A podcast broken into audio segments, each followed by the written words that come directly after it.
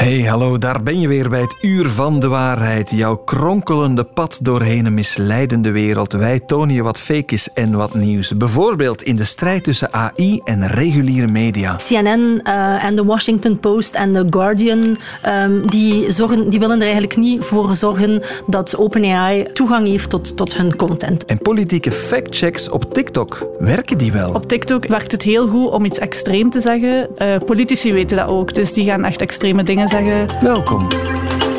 Het Uur van de Waarheid. Met Dennis van den Buis. Over exact drie maanden, op 9 juni, is het zover. Dan trekken we met z'n allen naar de stembus voor de Europese, de Vlaamse en de federale verkiezingen. En opvallend, dat is ook de eerste keer dat ruim een half miljoen jongeren in Vlaanderen en Brussel dat gaan mogen doen. En daarom moeten ze natuurlijk ook weten wat er waar te vinden is van politieke informatie. Een van de nieuwe kanalen die daarop inspeelt, dat is het TikTok-kanaal van Dwaalzin, de vrijzinnig humanistische jongerencommunity.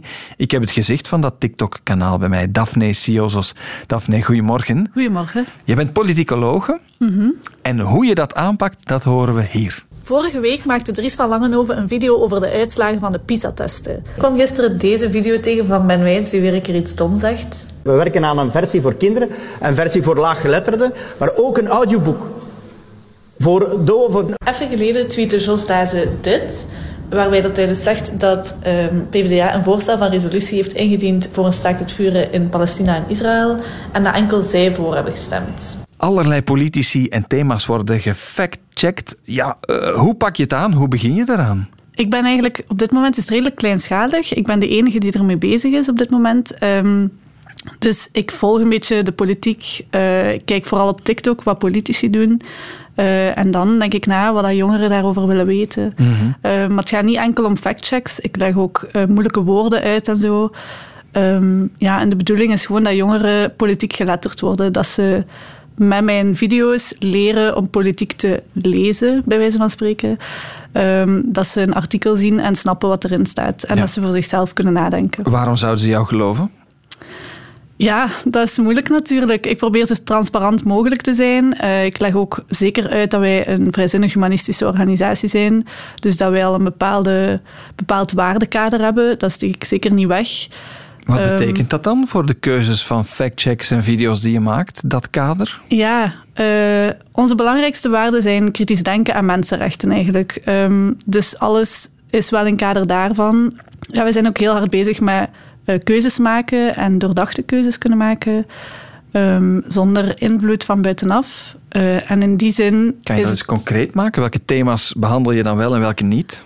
Um, abortus is bijvoorbeeld heel belangrijk uh, voor ons, omdat dat dus ja, in essentie echt een keuze maken is. Um, euthanasie zit daar ook bij, uh, maar ook mensenrechten. Dus, dus dat gaat van ja, zelf mogen kiezen of je wil geloven in een god bijvoorbeeld. Uh, Ook het staakt het vuren in Gaza en Israël, in Gaza. dat komt allemaal aan bod. Um, bereik je ook de jongeren die je wil bereiken met je factchecks? Merk je dat? Ja, als ik uh, kijk naar de cijfers op TikTok, dan zie ik zeker dat uh, het doelpubliek dat we willen bereiken is het doelpubliek dat we bereiken. Dus 18 tot 24, daar zit zo het zwaartepunt. En dan de volgende groep ja, is dan de rest. Mm -hmm. Hoe pak je dat aan, bijvoorbeeld? Want je bent daar heel transparant over in Ja. je video's. Hè? Er is een statement of een claim, bijvoorbeeld de PVDA zegt dit of Dries van Langenhoven zegt dat. Mhm. Mm -hmm. Hoe pak je het aan in je video's? Ja, ik ga echt kijken wat zegt de, wat zeggen de feiten. Dus ik ga echt kijken op de site meestal van het Vlaams parlement, uh, van, van een overheid, uh, het Europees parlement. En daar kijken in de documenten wat staat er nu echt op papier. Um, en dat vergelijk ik dan met, met, wat dat de persoon gezegd heeft, eigenlijk met het statement. Um, en ik toon ook echt op de achtergrond van mijn video's telkens het papier zelf, dus hetgene, de woorden die er staan, zodat mensen heel goed kunnen zien dat dat echt wel is wat er stond. Ja, heel transparant, want je merkt ook wel, heel wat straffe uitspraken, misschien uit hun context gerukt, gaan heel snel rond. Ook op Ja. TikTok vooral. Hè? Is er een grote nood aan wat je doet? Ja, ik denk het wel. Um, op TikTok is het heel, werkt het heel goed om iets extreem te zeggen. Dat is hetgene wat dat meeste views oplevert. Um, dus dat, dat boomt echt. Uh, mensen liken dat snel of sturen dat door naar hun vrienden, ook al denken ze niet per se dat het waar is. Ehm, soms stuurt iemand iets door en zegt hij, wow, ik geloof er niks van, maar het is wel doorgestuurd. Dus het Mhm. algoritme pikt dat zeker op. Eh, politici weten dat ook, dus die gaan echt extreme dingen zeggen op social media. Om, Geef eens voorbeeld, wat heb je gemerkt? ja, om nu het voorbeeld te geven van Gaza opnieuw. Ehm, Jos Daze had een tweet geplaatst waarin hij zei, allee, waarin hij deed overkomen dat PvdA de enige partij was die voor een resolutie voor het staakt het vuren had gestemd in Gaza. Ehm, dat leek zo, omdat op hun resolutie er inderdaad maar één partij ja had gestemd en dat was de PvdA. Maar er waren eigenlijk nog heel wat andere resoluties die ook voor een staakt het vuren waren en dat vermeldde die niet. Nee, een beetje framing eigenlijk, Ja. eh, cherrypicking. En dat gaat dan wel druk rond. Ja. Ehm, er leven ook heel wat misverstanden blijkbaar onder jongeren over wat er wel mag en moet. Bij verkiezingen of in de politieke wereld merk je ook. Mhm. Bijvoorbeeld? Ehm, ja, blanco stemmen gaan bijvoorbeeld naar de grootste partij. Dat is iets wat heel veel mensen denken en dat is zeker niet waar. Ehm, als je blanco wil stemmen, dat kan in principe. De- er is niet echt iets mis mee. Alleen is het heel jammer dat we dan niet weten wat jij graag wil. Ehm, dus democratisch gezien is dat een verloren stem. Maar dat gaat ook nergens naartoe of zo. Dat is niet dat, dat, dat een blanco stem iets doet. Ja, je, je zegt het soms ook in je TikToks. Ik ben politicologe en dan gaat mijn bloed koken, bij wijze van spreken, als ik zulke nonsens hoor. Ja. Is dat de drijfveer van wat je doet? Ja, toch wel. Eh, ik vind het heel jammer als mensen zeggen: "Och, politiek dat interesseert mij niet, of dat is toch niks voor mij, of dat, ik heb daar toch geen invloed op. Want dat is wel zo. Eh, niet enkel tijdens de verkiezingen. Je kan ook petities tekenen, op straat komen, ehm, artikels schrijven, dus nooit. Je kan van alles doen. Ook mijn video's in, in, in C ook wel zoiets. Ehm, er, is, er zijn heel veel manieren om aan politieke participatie te doen. En ik vind het heel jammer dat mensen gewoon opgeven of zo daarin. Ja, en daarom maak jij video's met dwaalzin. Krijg je ook reacties van politici nadien bijvoorbeeld? Is dat al gebeurd? Ja, soms. Er zijn sommige politici die wel af en toe reageren van goed gedaan, eh, dit is belangrijk wat je doet of zo. Maar er is niemand die boos is of zo. Nooit. Nee. Ben je eens mogen gaan stemmen eigenlijk, Daphne? Ja, ja, ja, ik ben al geweest. Ja, Eh, voor jou is het niet nieuw wat er zal gebeuren. nee, zeker niet. Maar voor heel veel jongeren wel. Eh, we kunnen het belang van TikTok niet onderschatten, denk ik. Eh, als enige bron van informatie vaak. Hoe, ja, hoe schat jij jouw rol in tegenover misschien de grote wereld van TikTok als het gaat over nieuws en politiek en verkiezingen? Ja, redelijk klein wel nog. Eh, ik heb 4000 volgers op dit moment, dus dat is niet zo heel veel. Zeker als je denkt dat een half miljoen mensen voor de eerste keer mogen gaan stemmen. Ehm, maar ik denk dat ik voor sommige mensen wel een invloed kan uitoefenen. Er zijn al mensen op straat naar mij gekomen die gezegd hebben van oh, jij helpt me echt met mijn politieke geletterdheid en dat is echt wat ik wil bereiken. Mhm, Ja, maar die is dan misschien wel humanistisch gekleurd. Ook dat moeten ze beseffen. Ja, dat is waar. Ja. Ik probeer wel zo neutraal mogelijk te zijn, omdat ik vind dat mensen, dat is ook deel van het, het vrijzinnig humanistisch gedachtegoed, dat mensen een keuze moeten kunnen maken op zichzelf, dus dat ze zelf moeten kunnen beslissen. Ehm, maar daarvoor hebben ze objectieve info nodig en dat probeer ik wel echt te geven. Dwaalzin, daar kunnen we het allemaal gaan bekijken. Eh, jouw politieke factcheck TikTok-kanaal. En het is eigenlijk veel meer dan dat, heb je ook gezegd. Daphne Siozos, dankjewel om bij ons te zijn. Heel erg bedankt. En uiteraard vind je op eh, TikTok ook het kanaal van VRT Nieuws, waar je onze factchecks en heel wat ander correct nieuws kan ontdekken. Het uur van de waarheid. De VRT Nieuwscheck. Nat in het zweet van zijn ochtendloopje is hij hier onze studio binnengevallen met een overzicht van de belangrijkste feiten en fictie die weer zijn opgedoken op sociale media en ver daarbuiten. De chef factchecking van VRT Nieuws, Luc van Bakel, goedemorgen. Goedemorgen, Dennis. Enkele kranten koppen dat vrouwen sneller gezondheidsvoordeel halen uit sporten dan mannen, al jouw inspanningen ten spijt. Luc, straffe uitspraak. En dan is de vraag, klopt dat ook?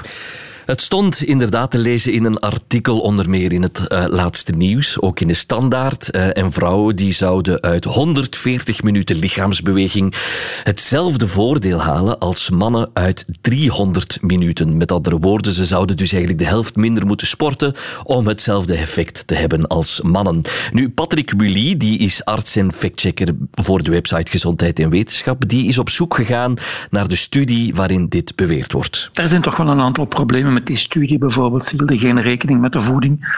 Er waren veel meer rokers bij de mannen. Mannen dronken meer alcohol. Uh, sportactiviteit of beweging werd geregistreerd met een vragenlijst. Dat is heel moeilijk om s'avonds op papier te gaan, te gaan opschrijven hoeveel dat je bewogen.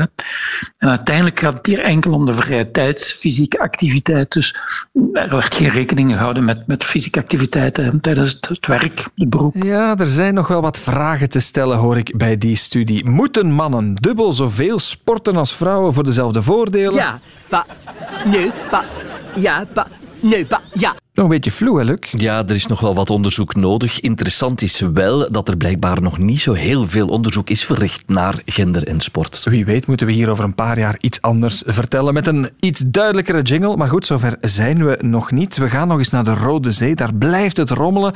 Beetje in de marge van de oorlog in Gaza blijven die Houthi-rebellen vanuit Jemen raketaanvallen uitvoeren op westerse handelsschepen. En heel veel beelden heb ik gezien van een Brits schip dat aan het zinken is. Het gaat hier om het Britse vrachtschip de Ruby Mar. Dat schip is inderdaad geraakt geweest door een raket. Er gaan een aantal video's rond waarop je ja, een schip ziet zinken. Die video's die zijn enorm veel gedeeld. Sommige nieuwsmedia in het buitenland hebben die beelden ook overgenomen. Maar de beelden zijn niet echt. Daan Nicolai van onze redactie die vertelt hoe hij ze onderzocht heeft. We hebben de beelden onderzocht door screenshots van de video's in te voeren in zoekmachines die op afbeeldingen kunnen zoeken, zoals Google Lens. En we vonden versies van de video's terug die veel te oud zijn om het zinken van de Ruby Mar te kunnen tonen. Zo staat de eerste video al minstens sinds 2015 op YouTube en toont een Brits schip dat al in 2013 zou gezonken zijn voor de kust van Oman. De tweede video toont dan weer een Zuid-Koreaans schip dat in 2020 zou gezonken zijn voor de kust van Brazilië. Zien we hier dus beelden van de zinkende Ruby Mar? Nee, het zijn andere schepen. Het is blijkbaar heel vaak opletten met zinkende schepen, Luc? Ja, niet alleen met zinkende schepen, maar met nepbeelden court eigenlijk. Uh, want beelden als deze die worden dus gebruikt om mensen naar bepaalde accounts te lokken. Uh, want accounts met veel volgers die kunnen worden doorverkocht, Dennis. En uh, je kan er ook advertentiegeld aan verdienen en dergelijke. en toch ook nog belangrijk om te melden, die Ruby Mar die is nog niet gezonken. Die ligt daar dus al meer dan een week in de Rode Zee. Het schip zou wel elk moment kunnen zinken. De bemanning is wel veilig van boord gehaald. Het schip lekt wel olie. Er is ook heel wat kunstmest aan boord. Er wordt gevreesd voor ja, een kleine milieuramp daar. En er is momenteel vooral heel veel onduidelijkheid naar waar dat schip eigenlijk getakeld of gesleept moet worden. Goed, we gaan over naar het volgende onderwerp. Het gaat over tandenpoetsen, Luc. Je hebt tandpasta's in alle kleuren en smaken, maar er gaan verhalen rond over de variant met munt. Ik heb bijvoorbeeld wel een tandpasta met muntsmaak en dus ben heel benieuwd naar het antwoord, want de bewering is, die muntsmaak in tandpasta zou de slaap verstoren. De man die alles weet over mondhygiëne, Luc van Bakel, gaat het hier aan ons duidelijk maken. Klopt dat of niet? Ik, ik heb zelf ook een tandpasta met muntsmaak en ik heb eigenlijk weinig problemen met uh, slaap, Dennis. Maar de vraag is dus, ja, klopt dat? Het komt hier uit een artikel van uh, een Britse krant, The Sun.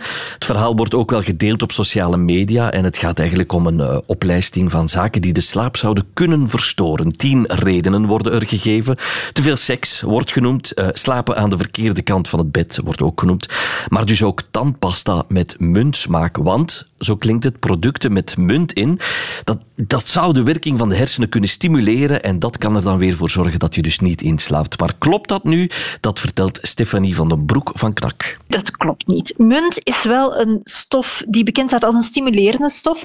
Dus als je daar gevoelig voor bent, is het inderdaad slim om niet vlak voor het slapen gaan muntthee te drinken of pepermuntjes uh, te eten. Maar een link met tandpasta, daar is geen enkel wetenschappelijk onderzoek naar gevoerd. En ook de slaapexperts die wij spraken zeiden dat dat sterk overdreven was, omdat je bij tandpasta ook maar heel weinig munt binnenkrijgt. Dus je slaap verstoren zal dat normaal gezien niet doen. Heel duidelijk.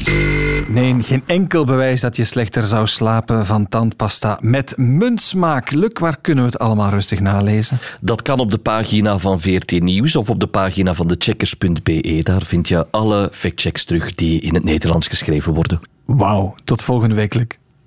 Tot volgende week. Van de waarheid. Heb je die beelden gezien? Beelden, ze staan ook op VRT Nieuws van een Aziatische dame die in een grootstad rondwandelt. Een dansend 3D-konijn. Een man op een trein. Luchtbeelden van een, ja, een bergdorp. Het lijkt hyperrealistisch, maar het is niet echt. Het zijn beelden gemaakt door Sora. Dat is een nieuwe dienst van het bedrijf achter ChatGPT. Van tekst naar hyperrealistische video. Maar daar kunnen we heel wat vraagtekens bij plaatsen. Trendwatcher technologie en uh, innovatie Laurence van Elegem is bij ons. Laurence, goedemorgen. Goedemorgen. Wat dacht je eigenlijk toen je die beelden voor het eerst zag van Sora? Ja, ik dacht hetzelfde als wat de andere mensen dachten. Van wauw, dat ziet er echt super realistisch uit. Dat is ongelooflijk. En uiteraard ook, wat, gaat dat, allee, wat, wat zal dat zeggen voor, uh, voor uh, fake news? Uh, wat zal dat zeggen voor, voor media? Wat zal dat zeggen voor de entertainment-industrie? Mensen die films maken. Um, mensen Als die, ik dit ja. zie, dan denk ik, het is wel een zegen. Je moet geen hyperrealistische set of 3D-technologie meer toepassen. Alles kan eigenlijk. Ja, uh, dat is correct. Maar um, ja, dat heeft natuurlijk ook implicaties. Hè. Bijvoorbeeld, allee, dit is nu misschien geen voorbeeld met beelden, maar uh, dat zijn ook zaken die gebeuren met audio. Uh, bijvoorbeeld de stem van Joe Biden is nog niet zo heel lang geleden gekloond geweest. En uh, daar zijn in de Verenigde Staten um, robocalls met zijn stem gemaakt. Om stemadvies te geven. Ja. Maar de vraag is bij al die AI, of het nu om tekst gaat, om beeld of om audio, waarop baseren die systemen zich om, om iets te leren? Wat is het bronmateriaal onder de motorkap? Daar maak jij je een beetje zorgen over, Laurence. Ja, ik maak mij daar zorgen over, maar het is vooral een van de belangrijkste bronnen daarvan. De media maken zich daar heel veel zorgen over.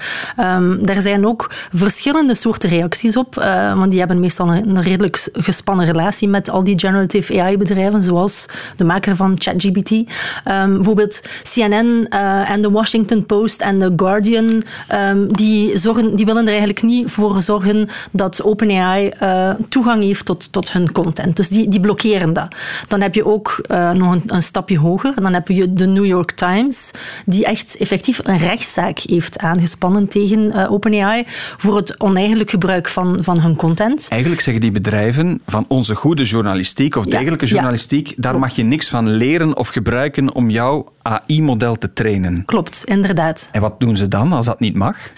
Um, maar ik wil eerst nog even uh, in, inpikken, want er zijn, er zijn ook mediabedrijven die een andere reactie hebben en die zich er effectief ook bij neerleggen en die dan samenwerkingen sluiten. Bijvoorbeeld uh, Semaphore, dus een, een gekend uh, newsletter, um, onder andere over technologie en business, die heeft een, een, een deal gesloten met Microsoft um, en een persbureau AP bijvoorbeeld met OpenAI en die krijgen daar dan effectief geld voor. Dus er zijn twee strekkingen. De ene strekking zegt nee um, en de andere strekking zegt van oké, ik ga dat toch niet kunnen tegenhouden, dus dan moet je mij maar betalen. En is er dan voldoende bronmateriaal, correct materiaal, verscheidenheid in bronnen, in type journalistiek om van te leren voor modellen zoals ChatGPT en nu die Sora om video van te maken? Ja, uh, inderdaad. Um, want die uh, bedrijven leren niet alleen uh, van de media, maar ze leren onder andere ook bijvoorbeeld van open source datasets, zoals bijvoorbeeld Wikipedia. Dus dat enerzijds. Anderzijds komt er ook redelijk wat bias bij, omdat ik heb een onderzoek gelezen dat de rechtse media um, de toegang niet blokkeren tot hun content, waardoor dat uh, ja, dat er wel bias zou kunnen ontstaan naar, naar de rechterkant. Vooringenomenheid. Dat, dat eigenlijk al die AI-systemen denken dat de wereld rechtser is dan hij eigenlijk is. Ja, bijvoorbeeld. Alhoewel dat het complexer is dan dat. Want helemaal in het begin, toen dat, uh, de, die, die bots uh, toegang hadden tot eigenlijk alle data, werden ze ervan beschuldigd om te gauche te zijn. Omdat er heel veel mensen in de tech-industrie eigenlijk eerder liberaal zijn, enerzijds. En anderzijds hadden ze toen toegang tot echt alle data. Oké, okay, dus het, is, het, hangt een beetje van de stroming of de tijd af Ja. waarop we kijken. Maar als we nu dan toch eens kijken naar de journalistiek en AI, bijvoorbeeld nu Sora, beelden die naar buiten kunnen komen, wat zijn de gevaren daarvan volgens jou?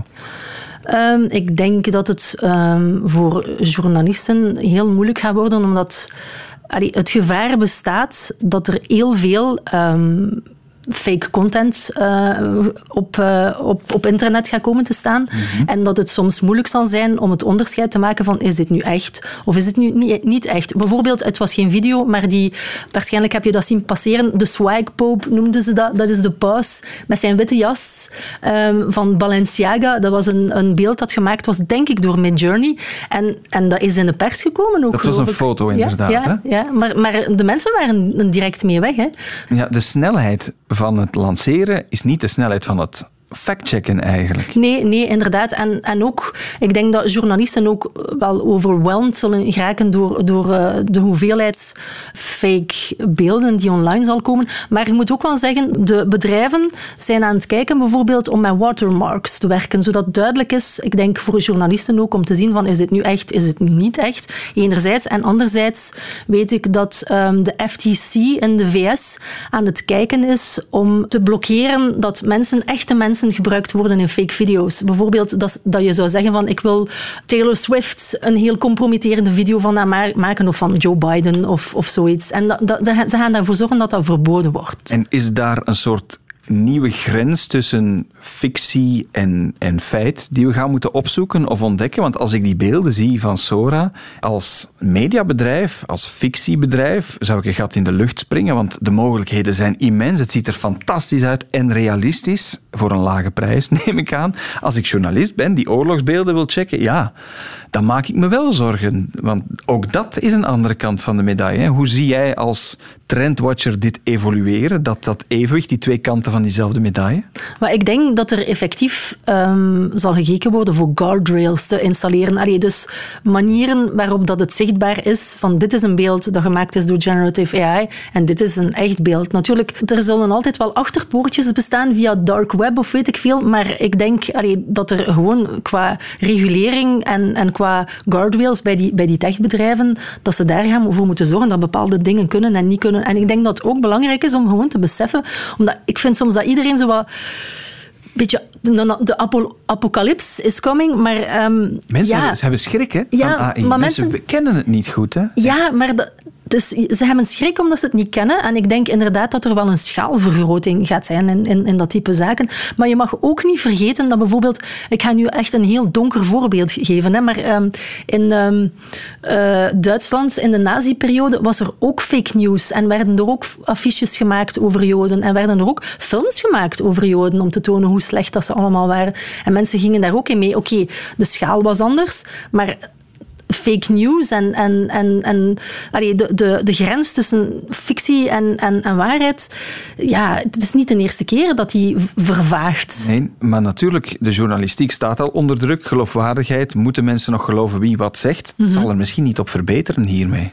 Nee, maar ik denk ook dat die systemen journalistiek ook wel kunnen helpen. Bijvoorbeeld, en ik, ik ga nu wel een voorbeeld geven voor, voor textueel, maar het is mogelijk om die large language models, om daar een, een, een private GPT van te maken bijvoorbeeld, waardoor dat je de data van OpenAI samenvoegt met bijvoorbeeld de data van alle reportages van de VRT en alle dossiers die de VRT heeft onderzocht um, en alle milieurapporten die de VRT heeft onderzocht. En die, die twee komen samen en dan kunnen journalisten gewoon typen welk bedrijf heeft in uh, 1997 uh, die bestraffing op vlak van milieuwetgeving gekregen of zo. En dat zijn soms dingen die niet, niet, niet super uh, makkelijk um, te vinden zijn openbaar op het internet. Mm -hmm. Maar als jullie met al die rijkdom, informatie dat jullie, rijkdom aan informatie dat jullie hebben, dat samenvoegen, kunnen, kunnen, gaan journalisten ook heel makkelijk onderzoek kunnen doen. Dus het heeft ook voordeel. dan ons geheugencollectief dan wel digitaal om in te zoeken. Ja. Riskeren we toch geen samenleving op twee snelheden te krijgen? Zij die er alles van weten mee zijn en zij voor wie het echt een groot doembeeld toch nog blijft of angstig? Ja, ja dat, dat, dat, dat zal wel zo zijn, denk ik. En ik denk dat het ook belangrijk is ook voor journalisten, dat ze um, gaan leren werken ook met die systemen. En, en andere mensen ook. Hè. Ik, ik, ik vind het heel raar dat het schoolsysteem dat zou verbieden om leerlingen te werken met die, die, dat type tools, terwijl dat hen dat ook kan helpen en, en dat we gewoon gaan moeten leren om op een heel andere manier met kennis om te gaan. En ik denk dat het ook heel belangrijk is in onderwijs um, dat, dat we de kinderen gaan leren om heel kritisch om te gaan met, met informatie die ze zien ook. Is dit een even groot kantelpunt wat we nu meemaken met AI als bijvoorbeeld de introductie gewoon van het internet, zeg maar 25 jaar geleden? Ja, er zijn, er zijn heel veel mensen die dat zeggen. Um, ik ben altijd heel afwachtend bij dat, dat type dingen. Ik heb zoiets van, we'll see, want voor hetzelfde geld um, is er binnen, binnen drie jaar nog een nieuwe, andere technologie die dat volledig obsolet maakt en, en overbodig maakt. Ja, want dat wordt ook wel eens gezegd, jobs zullen overbodig worden. Ook dat maakt mensen bang, hè, Laurence? Ja, dat, dat, dat klopt inderdaad. Um, maar Vooral de techbedrijven zeggen dat natuurlijk, omdat ze het niet willen dat mensen bang zijn. En ze zeggen van, de meeste jobs gaan niet vervangen worden door AI, maar je kan misschien wel vervangen worden door iemand die werkt met AI en sneller en beter dan jou werkt. Dus zij willen natuurlijk zoveel mogelijk mensen uh, op hun technologie krijgen. Maar ik denk ook wel allee, dat er een aantal jobs zijn. Vroeger was dat ook zo bij automatisering in, in, in, fabrieken en zo. Um, maar er zijn ook mensen die hun jobs verloren zijn. En dan moet je uh, inzetten als maatschappij, onder andere ook op, op herscholing en zo. Ik denk dat dat een heel belangrijke gaat worden. Eventueel misschien zelfs denken aan universal basic income voor bepaalde uh, groepen. Maar ik denk dat, dat dat verhaal van people will only be replaced, mensen gaan enkel veranderd worden, uh, vervangen worden door mensen met AI en niet door AI zelf. Ik denk dat dat een beetje te rooskleurig is, eerlijk gezegd. Ja, maar wat ik wel hoor doorheen heel jouw betoog is eigenlijk omarm AI. Ga er kritisch mee om, gebruik het. En uh, dat is misschien toch wel beter dan er bang van te zijn en alles af te sluiten. Laurence van Elegem, Trendwatcher Technologie en Innovatie, dankjewel voor je inzichten en om hier te zijn. Graag gedaan. En daarmee zit deze podcast van het Uur van de Waarheid er weer helemaal op. Een co-productie van Radio 1 en VRT Nieuws. Wil je onze andere afleveringen herontdekken? Dat kan in de app van VRT Nieuws. Daar vind je alle afleveringen van het Uur van de Waarheid over misleiding doorheen de tijd, doorheen de eeuwen, over alle domeinen van de wereld en de maatschappij. Herbeluisteren en tot heel snel.